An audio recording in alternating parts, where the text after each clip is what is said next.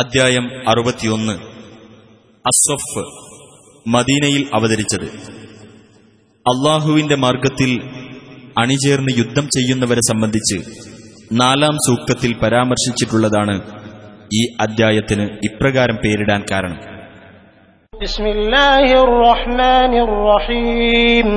سبح لله ما في السماوات وما في الأرض وهو العزيز الحكيم ആകാശങ്ങളിലുള്ളതും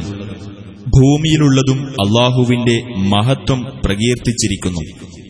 അവനാകുന്നു പ്രതാപിയും യുക്തിമാനും.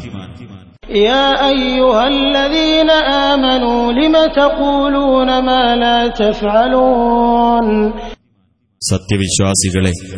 നിങ്ങൾ ചെയ്യാത്തതെന്തിന് നിങ്ങൾ പറയുന്നു? كبر مقتا عند الله أن تقولوا ما لا تفعلون നിങ്ങൾ ചെയ്യാത്തത് നിങ്ങൾ പറയുക എന്നുള്ളത് അള്ളാഹുവിങ്കൽ വലിയ ക്രോധത്തിന് കാരണമായിരിക്കുന്നു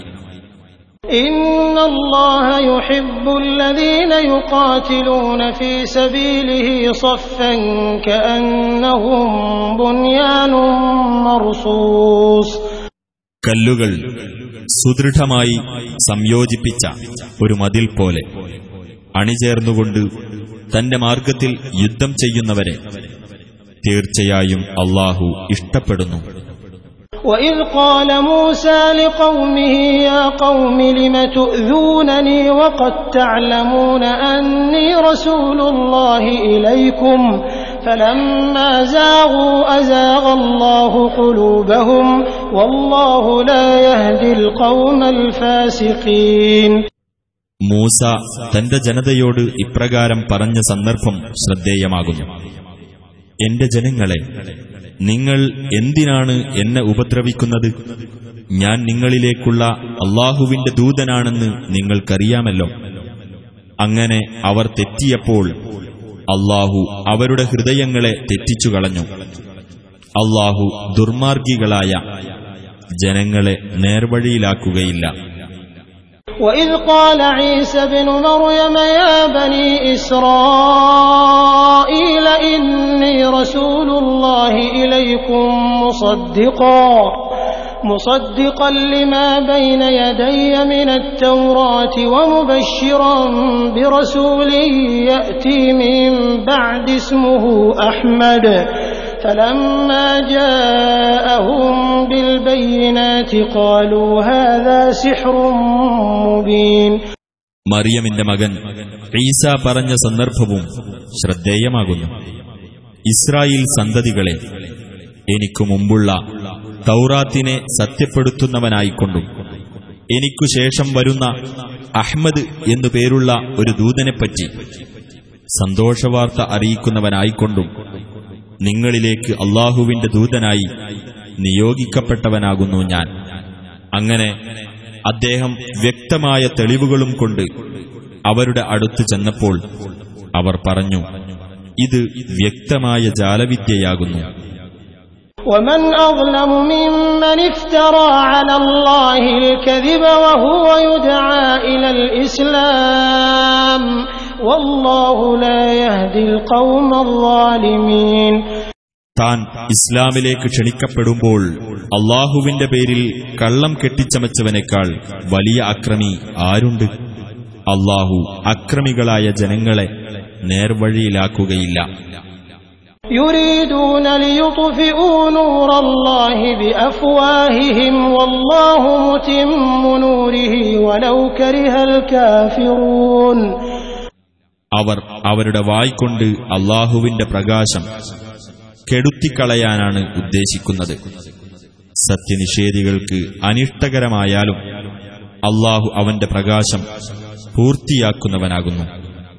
هو الذي أرسل رسوله بالهدى ودين الحق ليظهره على الدين كله ليظهره على الدين كله ولو كره المشركون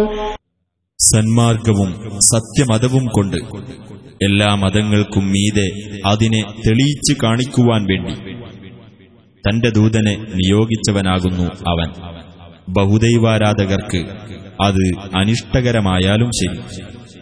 يا أيها الذين آمنوا هل أدلكم على تجارة تنجيكم من عذاب أليم സത്യവിശ്വാസികളെ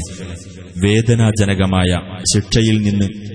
നിങ്ങളെ രക്ഷിക്കുന്ന ഒരു കച്ചവടത്തെപ്പറ്റി ഞാൻ നിങ്ങൾക്ക് അറിയിച്ചു തരട്ടെയോ تؤمنون بالله ورسوله وتجاهدون في سبيل الله بأموالكم وأنفسكم ذلكم خير لكم إن كنتم تعلمون നിങ്ങൾ അള്ളാഹുവിലും അവന്റെ ദൂതനിലും വിശ്വസിക്കണം അള്ളാഹുവിന്റെ മാർഗത്തിൽ നിങ്ങളുടെ സ്വത്തുക്കൾ കൊണ്ടും ശരീരങ്ങൾ കൊണ്ടും നിങ്ങൾ സമരം ചെയ്യുകയും വേണം അതാണ് നിങ്ങൾക്ക് ഗുണകരമായിട്ടുള്ളത് നിങ്ങൾ അറിവുള്ളവരാണെങ്കിൽ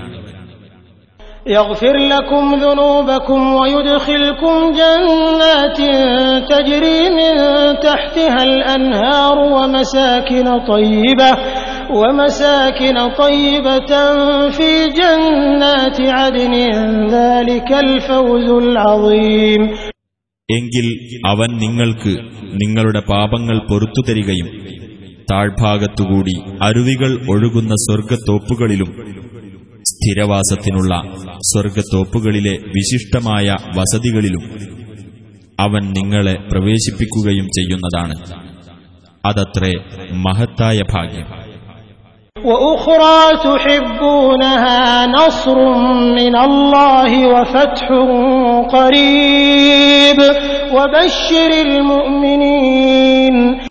നിങ്ങൾ ഇഷ്ടപ്പെടുന്ന മറ്റൊരു കാര്യവും അവൻ നൽകുന്നതാണ് അതെ അള്ളാഹുവിങ്കിൽ നിന്നുള്ള സഹായവും ആസന്നമായ വിജയവും നബിയെ സത്യവിശ്വാസികൾക്ക് നീ സന്തോഷവാർത്ത അറിയിക്കുക يا أيها الذين آمنوا كونوا أنصار الله كما قال عيسى بن مريم كما قال عيسى بن مريم للحواريين من أنصاري إلى الله. قال الحواريون نحن أنصار الله. فآمنت طائفة من بني إسرائيل وكفرت طائفة فأيدنا الذين آمنوا على عدوهم فأصبحوا ظاهرين സത്യവിശ്വാസികളെ നിങ്ങൾ അള്ളാഹുവിന്റെ സഹായികളായിരിക്കുക മറിയമിന്റെ മകൻ ഈസ അള്ളാഹുവിങ്കിലേക്കുള്ള മാർഗത്തിൽ എന്റെ സഹായികളായി ആരുണ്ട് എന്ന് ഹവാരികളോട് ചോദിച്ചതുപോലെ ഹവാരികൾ പറഞ്ഞു ഞങ്ങൾ അള്ളാഹുവിന്റെ സഹായികളാകുന്നു. അപ്പോൾ ഇസ്രായേൽ സന്തതികളിൽപ്പെട്ട ഒരു വിഭാഗം വിശ്വസിക്കുകയും മറ്റൊരു വിഭാഗം അവിശ്വസിക്കുകയും ചെയ്തു. എന്നിട്ട് വിശ്വസിച്ചവർക്ക് അവരുടെ ശത്രുവിനെതിരിൽ നാം പിൻബലം നൽകുകയും അങ്ങനെ അവർ മികവുറ്റവരായിത്തീരുകയും ചെയ്തു.